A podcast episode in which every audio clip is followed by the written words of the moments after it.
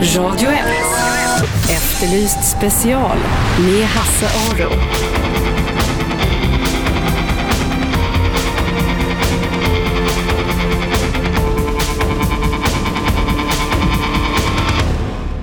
Välkomna hit, Efterlyst special. Hasse Aro heter jag. Det är fredag, då brukar jag ha fredagsgäst, så även idag. För nu ska gamla mord i Stockholm lösas. En särskild grupp för så kallade cold cases håller på att bildas. Och det här är efter en genomgång av gamla mordfall som Leif GW Persson och kriminologen Mikael Rying gjorde på uppdrag av rikspolischefen. Och i deras rapport så kom de fram till att det finns 430 mord i Sverige som är ouppklarade och som inte kommer att preskriberas eftersom preskriptionstiden för mord har tagits bort. 75 procent av de här ouppklarade morden finns i storstäderna och eh, eh, de flesta finns väl kanske, eller Stockholm är väl väl representerat får man väl anta.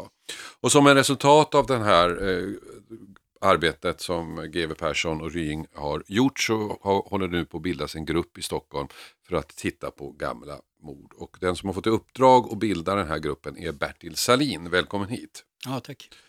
Du, eh, den här gruppen, den är inte, den är inte klar än. Idag finns vi, vi finns ju två stycken på länskriminalen som håller på och sen har vi en kontaktperson i varje polismästardistrikt. Mm.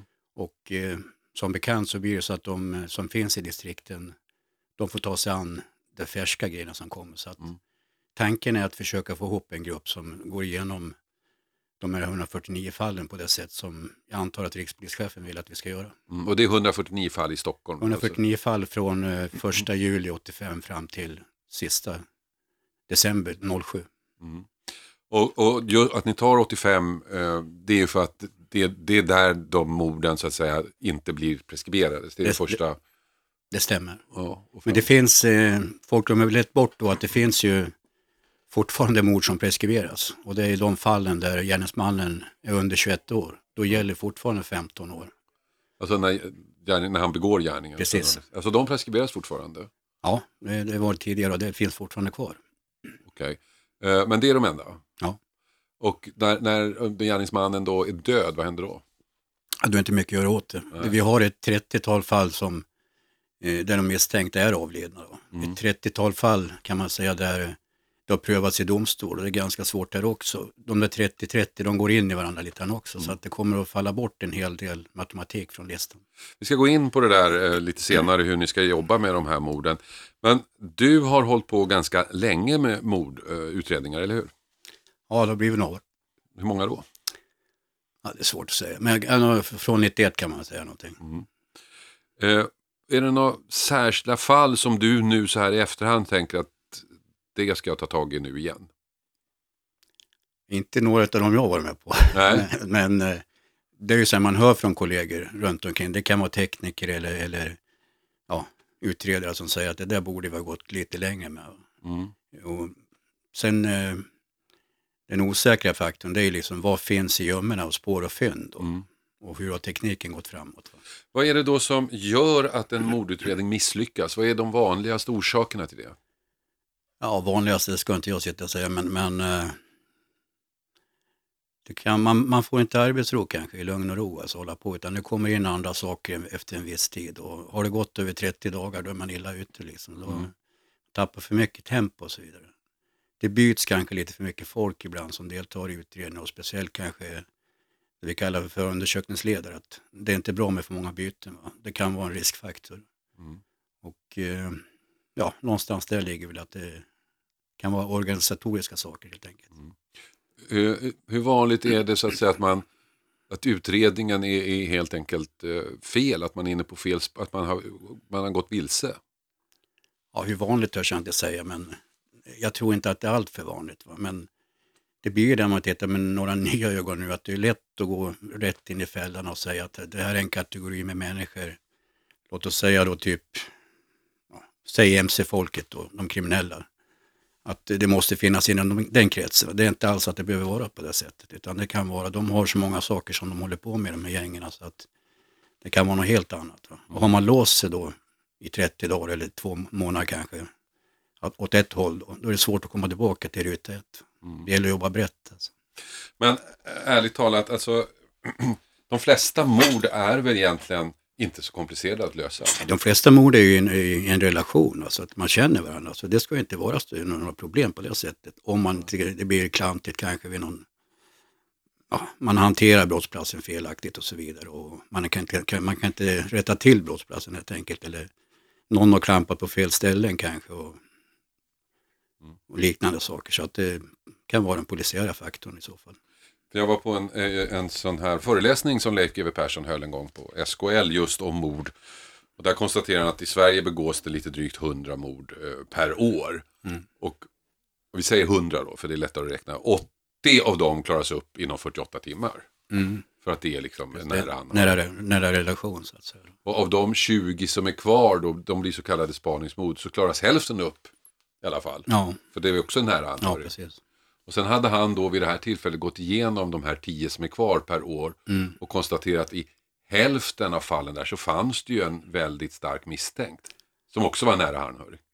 Ja, eh, jag kan inte svara för vad han säger, men det, lå- det låter rimligt. Eller? Ja, så han menar att den första frågan man ska ställa till någon när någon anmäler någon försvunnen är vad har du gjort av henne? Ja, det, det är väl en bra fråga att ställa i så fall. Men eh, försvunnen person, det, det har han väl också berättat då, att i regel så kommer ju de till rätta. Ja, det gäller ju bara att ha en riktig fingertoppskänsla att nu är det någonting fel. Va? Och då snabbt vara ute kanske med att starta en mordutredning. Eh, hur går en mordutredning till egentligen? I snabba drag så här. I snabba drag? Ja, Ja, man, man får reda på att det är ett mord ja, och sen bildar, bildar man en grupp som tar hand om det här då. ja. Om det inte är som man, som man har i Stockholms län nu, nu finns det mordgrupper som är intakta så att säga med full laguppställning då. Så att ska ta alla mord i Stockholms län också. Så att eh, de vet vad de ska göra.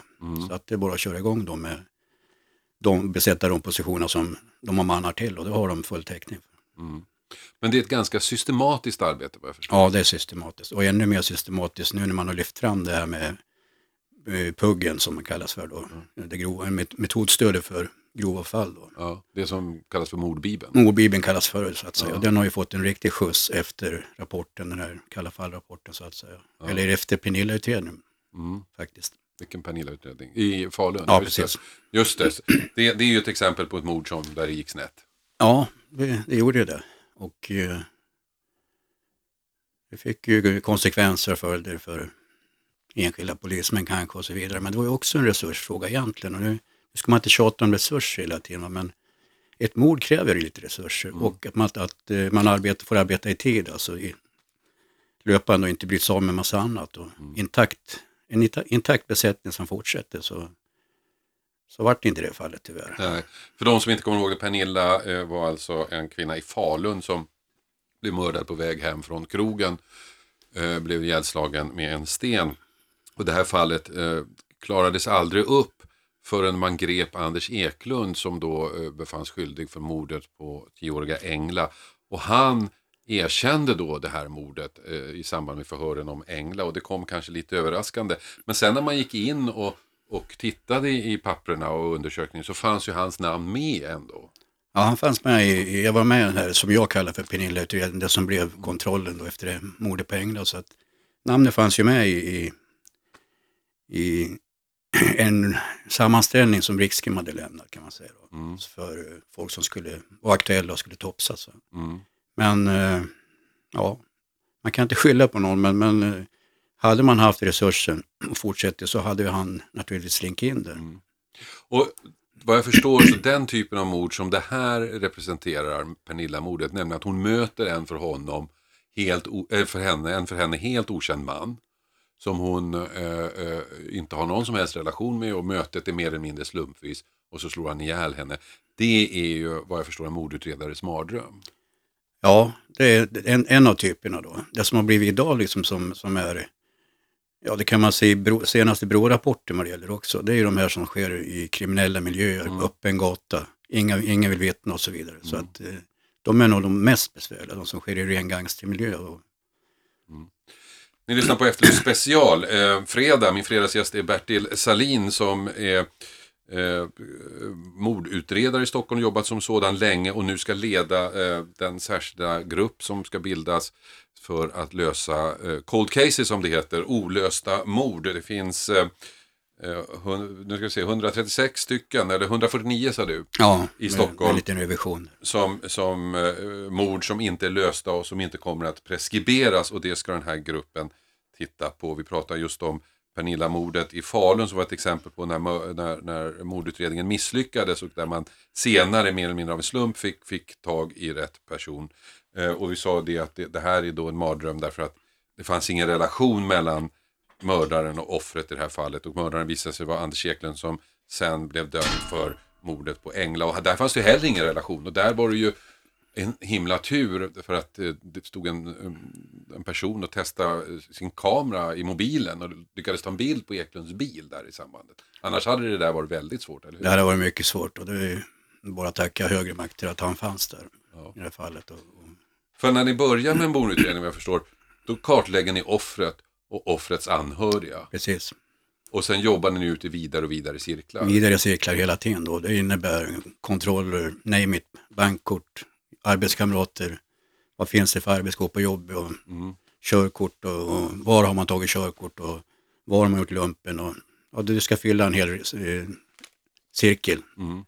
Och om man då tar Pernilla-fallet där mördaren inte alls finns i närheten av, av offrets så, så tar det ganska lång tid innan man kommer ut i, i den periferin och börjar eh, jobba, eller hur? Ja, men parallell- det går att parallell, parallellköra då med inre spaning så att säga. På, den här uppgiften med kartläggning kan man lägga på ett par analytiker eller vem man utser i gruppen. Sen får ju de andra hålla igång maskineriet på andra sidan. Vad har vi för den här typen av personer? Finns det sådana i närheten som begår eh, sexuella övergrepp eller attackerar kvinnor och så vidare? Och vad det gäller Anders Eklund så var inte han så långt borta. Han var ju känd fyra mil därifrån som, med öknamn och så vidare. Så, eh, det, det pågår ju sam, parallellt så att säga med, med kartläggningen av offret. Det är en uppgift med kartläggningen och sen inre spaningen en annan. Så att säga. En annan utredning som jag eh, fått lite insyn i eh, var ju den om mordet på en liten kille i Arvika. Där det sen visade sig att det var två andra barn som hade dödat honom. Men där berättade utredaren för mig att de, de hade tre huvudspår, eller tre grupper. En som jobbade med, eh, som du säger, anhöriga liksom, i, i, i den offrets krets. En som jobbade med eh, pedofiler och, och sådana saker alltså, som inte kände men som fanns i, i närområdet. Och, och en som jobbade på barnspåret. Och det märkliga var att alla tyckte att de var på rätt spår. Alla tre grupper tyckte att de var på rätt spår. Vart det panik? Jag vet inte, men Ja, det, men det visar det- kanske hur svårt det är också. Det har hänt i många utredningar i Stockholm också att man har nästan delat på sig åt olika håll mitt i utredningen. Som att, att en del har trott att vi kör på det här racet och Ja. man kanske tillät det på den tiden. Och en del körde på det som kanske var huvudspåret egentligen. Då. Så att, men det, idag sker det inte så utan man har, man har mer koll på grejerna i alla fall. Ni lyssnar på Efterlyst special. Det är fredag. Min fredagsgäst är Bertil Salin som är mordutredare i Stockholm och som nu ska leda arbetet med att eh, bilda den här Cold Case-gruppen. En grupp som ska koncentrera sig på gamla mord. Eh, 100, eh, ungefär 140 stycken i Stockholm. I Sverige finns det ungefär 430 ouppklarade mord som aldrig kommer att bli preskriberat. Vi ska prata mer om hur den här gruppen ska arbeta och vilka mord man ska titta på efter pausen. Radio 1. Efterlyst special med Hasse Aro.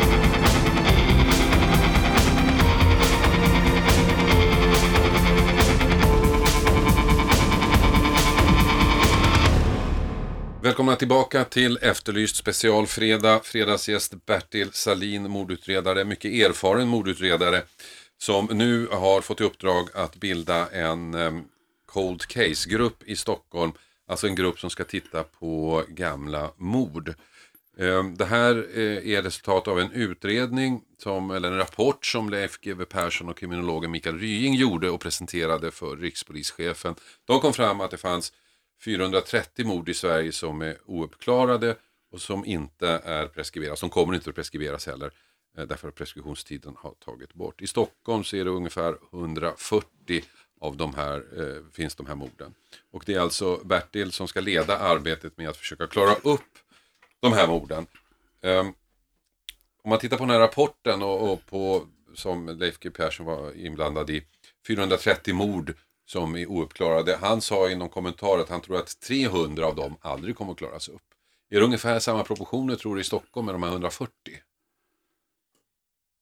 Ja, det tror jag. Det är ganska rimligt. Så att, ja. Och jag jag tittar igenom de här som finns.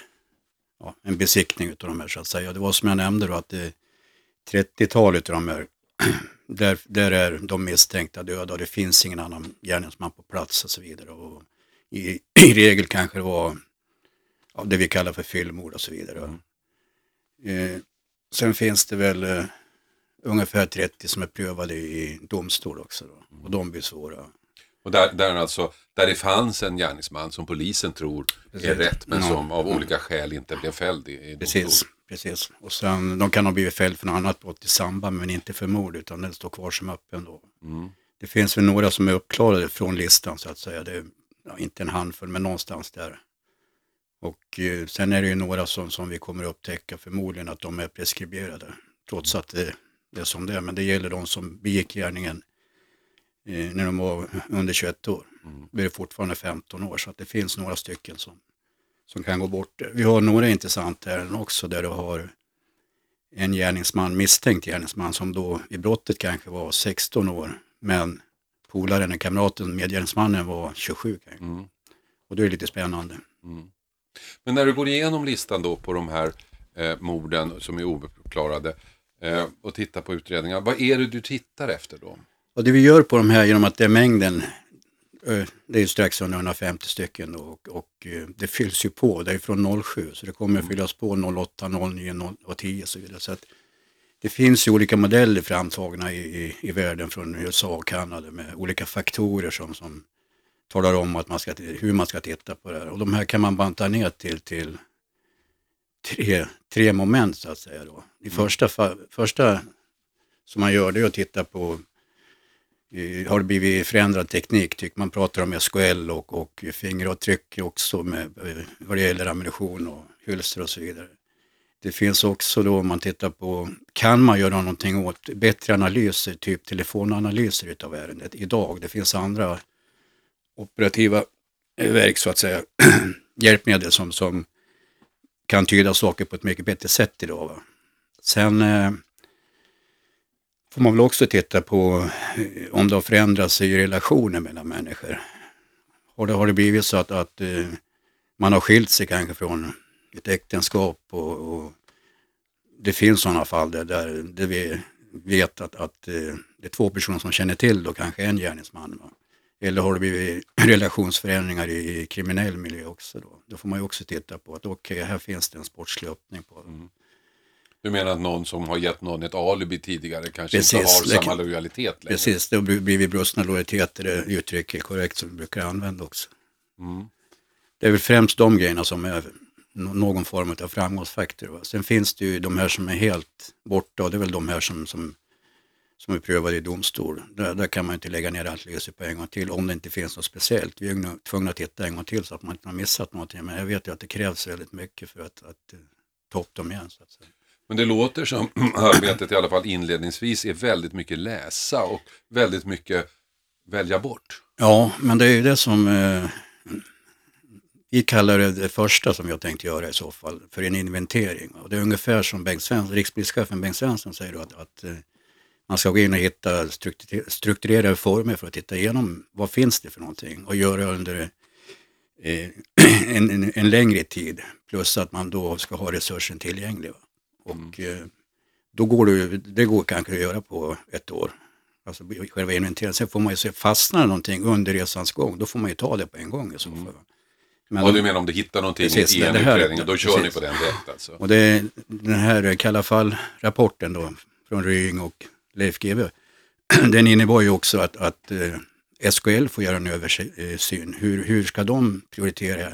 Vad ska vi skicka in som håller på med i landet då? För att Skåne och eh, Göteborg har ju ganska mycket utav de här typen av ärenden också. Och, och du har ju nämnt flera gånger hur många vi har så att man inte bara skickar in en massa skräp ibland som man vet att det här blir ingenting utan chansar och skickar in. Utan där är jag med i en arbetsgrupp som kommer att innebära att det blir prioriteringar innan man skickar in saker och ting. Mm, mm.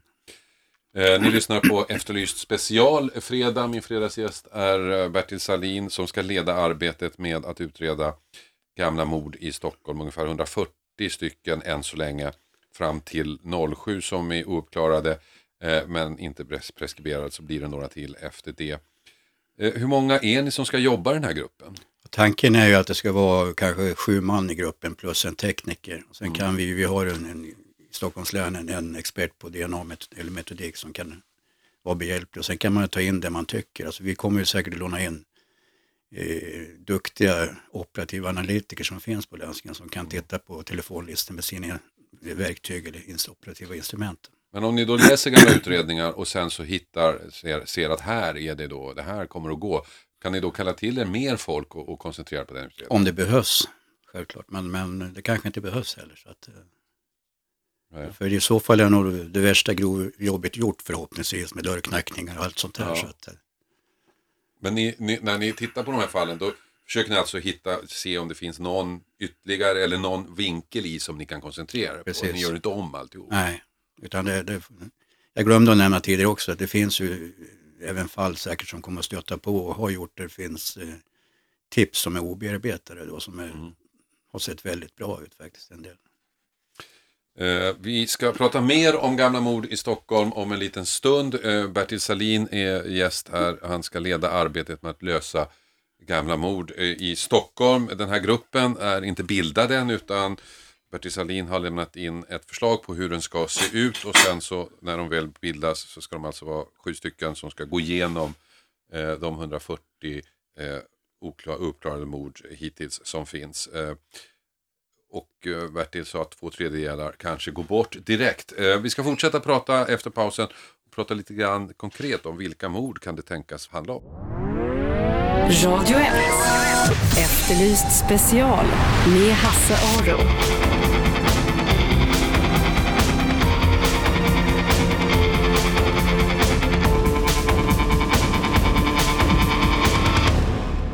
Välkomna tillbaka, Efterlyst specialfredag. Fredagsgäst är Bertil Salin som ska leda arbetet med att eh, försöka klara upp gamla mord i Stockholm. Eh, det var, blev ju, det tillsattes en utredning eller en genomgång som Leif GW Persson och kriminologen Mikael Rying gjorde på uppdrag av rikspolischefen. Och de kom fram till att det finns ungefär 430 mord i Sverige som är uppklarade, och som, eller ouppklarade och som inte kommer att preskriberas.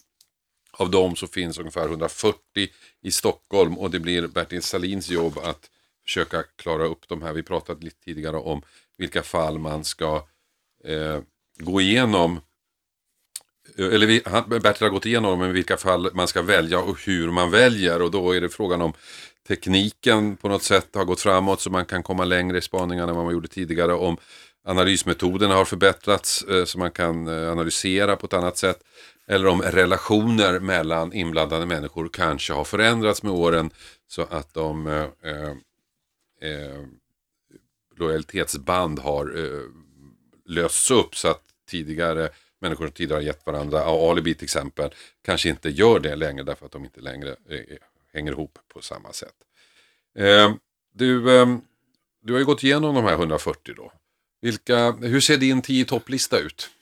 Jag, sån? jag har ingen sån på topplista då, utan det, det, finns, det finns några som, är, som måste liksom få lite förtur och det är de här där, jag pratar om preskriptionsreglerna där, Mm.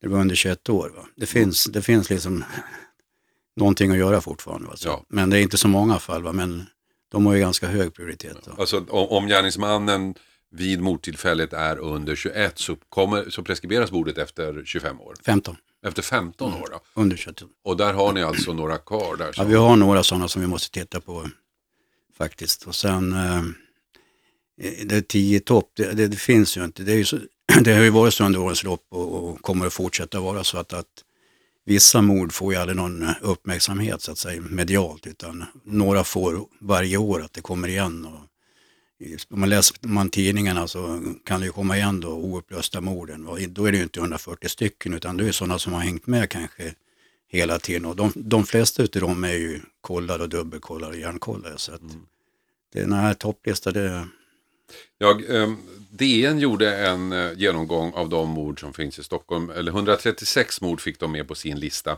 Jag skrev ut den här då och då har de skrivit då två, tre rader på varje Mm. med ganska liten text. Det blir alltså nio A4 Mm. med mord. Det är, alltså, 140 mord är mycket. Det är ganska mycket. Men det var ju som jag sa också att det är, det är många som går bort också. Ja. Så att det, det är, eh, det är ju fyllmorden som jag kallar det för. Mm. Alltså, de, är, de är ju döda. Det har ju varit missbruk innan mordet kanske och efter mordet och så vidare. Då. Så att, och de här domstols, som har varit uppe i domstol, de är också svåra. Mm. Så att eh, det blir några färre sidor än man då har där. Ja, men det blir mycket kvar ändå. Det blir mycket kvar. Jag kan tänka mig att eh, även om du inte vill säga det så har du kanske i ditt huvud två topplistor.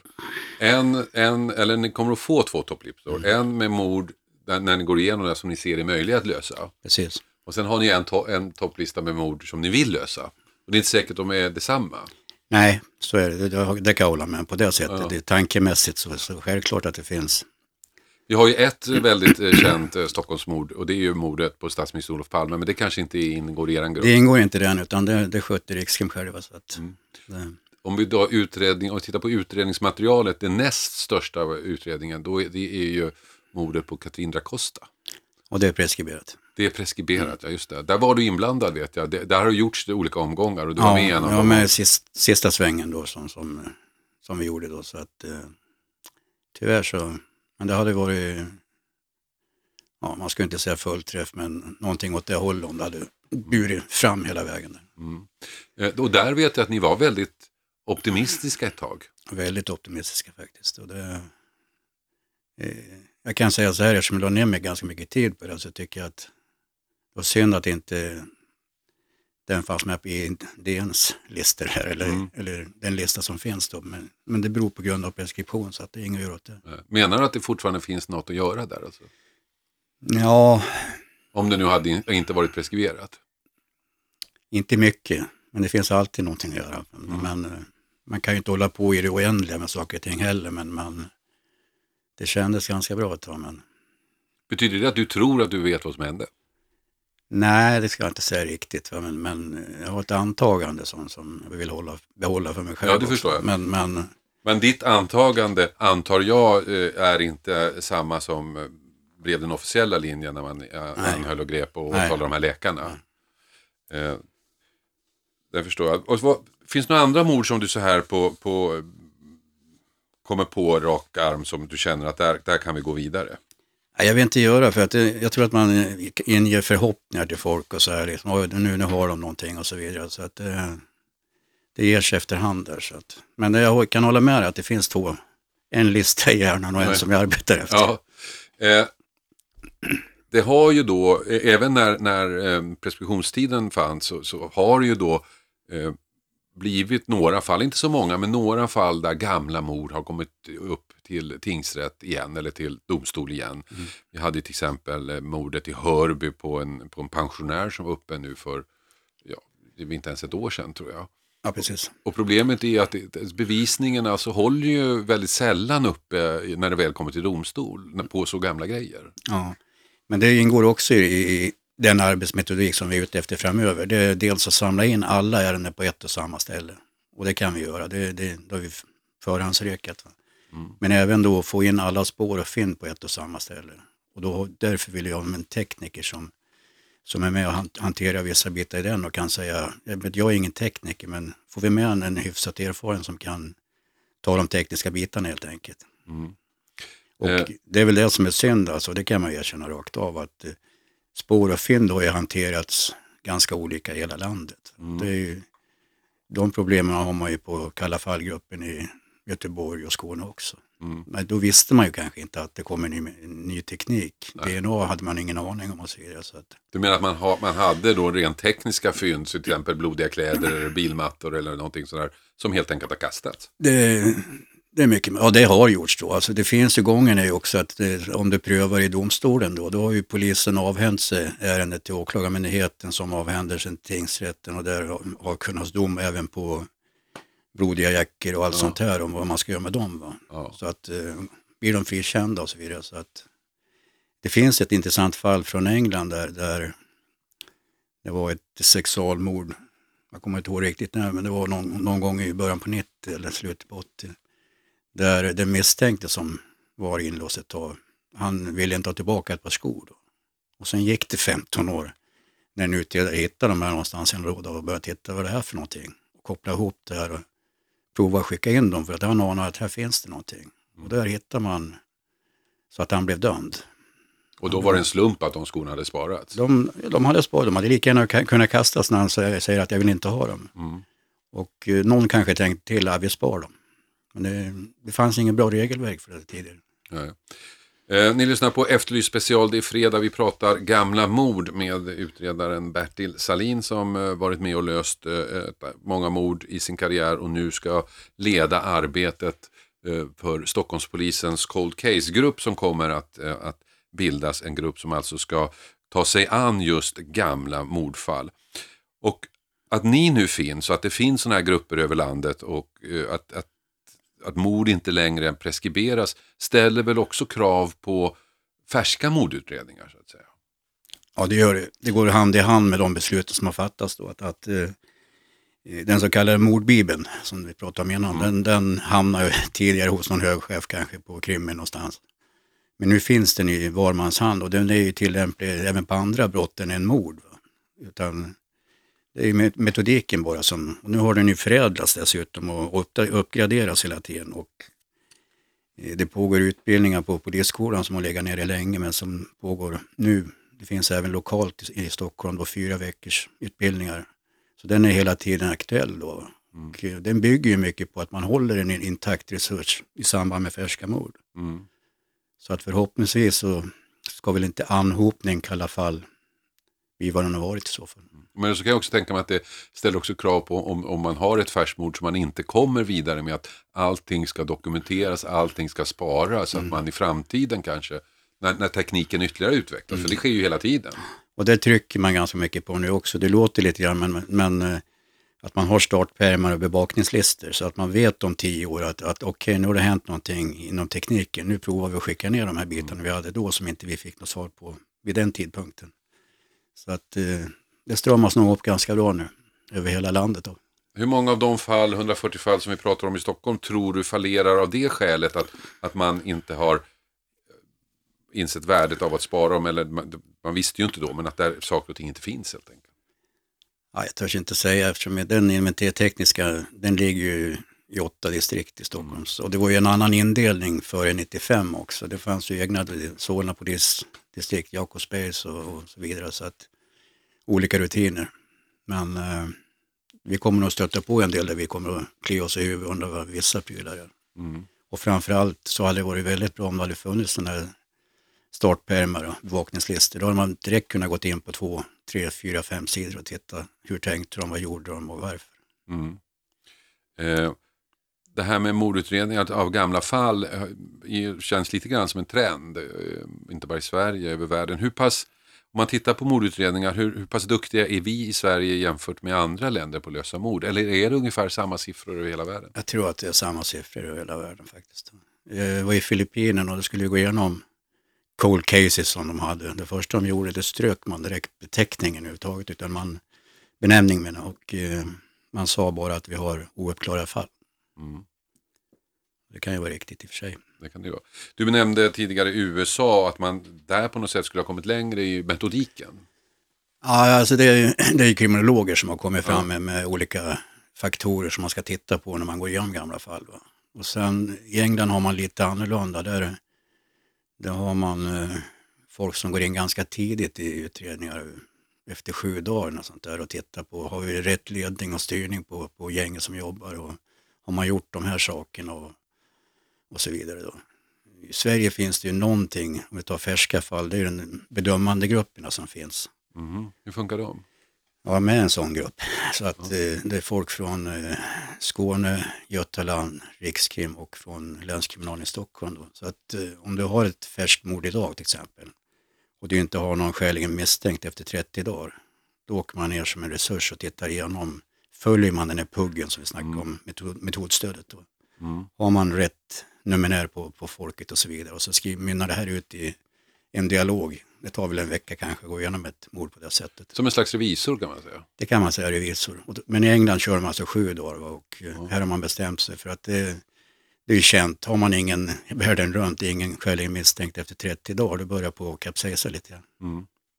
Det säger alltså Bertil Salin, eh, utredare som ska leda Stockholmspolisens eh, arbete, eller Stockholmspolisens nya grupp som ska bildas, som ska ta sig an eh, cold cases eller kalla fall, alltså gamla mordfall.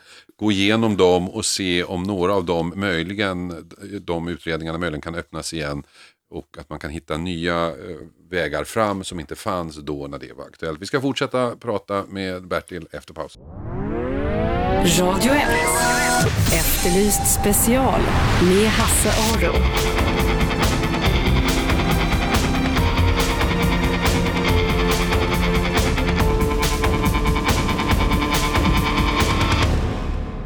Välkomna tillbaka till Efterlyst special. Den ni hörde harkla sig var Bertil Salin som är min fredagsgäst här. Vi sitter och pratar om gamla mord. Ett ämne som är oerhört intressant och som man kan prata om hur länge som helst. Och det gör vi med anledning av att man nu i Stockholm ska bilda en så kallad cold case-grupp. Det vill säga en grupp som ska titta på gamla mordfall som är ouppklarade för att se om man möjligen kan hitta någon ny ingång någon gång, ö, någonstans för att klara upp det här. Och då finns det egentligen tre vägar som Bertil berättade förut man kan gå. Tekniken kan ha förändrats på olika sätt man kan, eh, och därmed få en ny vinkel på en utredning. Analysmetoder kan ha förändrats, man kan göra analyser idag som man kanske inte kunde göra då när det var aktuellt. Relationer förändras. Eh, människor som på olika sätt var lojala med varandra tidigare kanske inte är det längre och det kan ge nya öppningar i utredningen. Den här gruppen är inte på gång, eh, är inte klar än men den ska, eh, Bertil har lämnat in ett förslag hur den ska se ut. Det är sju man plus en specialist som ska eh, gå igenom då 140 fall ungefär i Sverige. Det blir lite fler, det är fram till 2007 som det var 140 fall. Så det blir lite fler. Och eh, en del av dem faller bort av naturliga skäl. Dels därför att gärningsmannen som då var under 21 år eh, då, då, är, då finns det fortfarande en 15 års preskriptionstid och han är för gammal, ingen idé att eh, gå vidare. I andra fall så är det människor som har blivit åtalade men friade och det finns inga nya eh, trådar att rycka i. Men det finns då ett antal fall som, som bildas och det här med cold case-grupper, det är lite intressant. Bara, bara det faktum att man bildar en grupp brukar leda till att eh, det blir ganska snabba resultat. Vi gjorde ju, i Efterlyst gjorde vi eh, för en tid sedan följde vi då eh, Hans Strindlund eh, på Söderortspolisen som startade en cold case-grupp. Och på mindre än ett år så hade de klarat upp, eller kommit fram i alla fall tre mord. Två mord i Högdalen 2007. Där gruppen för första gången kopplade ihop de här morden, att det förmodligen var samma mördare. Man hittade honom också, han erkände. Och sen så var det ett mord i Skärholmen där en kvinna anhölls misstänkt för mordet. Och där man från början trodde att den här killen blev mördad av misstag. Eh, men sen så hittar man ändå trots allt något slags relationssamband till den här kvinnan som i och för sig hade begått ett misstag men av ett helt annat eh, slag än vad man trodde tidigare. Så det var tre mord på ganska kort tid. Och sen har du ju i, i, i Malmö då, eller i Skåne där man bildar en cold case-grupp eh, med Per-Åke Åkesson i, i spetsen. Och som efter ett år, inom ett år löste mordet på Helene i Hörby som då var 15 år gammal. Så bara det att man bildar en grupp verkar ge resultat. Ja, det i Hörby var ju faktiskt en, en kvinnlig, Ja, kvinnlig utredare som ja. var väldigt envis Ja. där. Nu, nu vill inte jag säga att hon är Skärholmen, som du berättade här, att hon är skyldig. Då, Nej, det är inte klart än, men hon, det är i alla fall det är ett exempel på hur man, man tittar på ett mord med nya ögon och hittar en annan väg. Ja, uppenbarligen så de andra två i, i, som var i söderort, Mm. det fanns en misstänkte med i materialet hela tiden Ja, från det. början, men det är ju suveränt att det lyckas. Och där kopplar, man hade i tidigare materialet inte kopplat ihop de här två morden. Nej, trots att det var två timmar emellan. Ja, liksom. just det, och ganska nära varandra. Nära, det var ju, brottsplatsen var ju inte så långt ifrån varandra, men Nej. det är bra jobbat.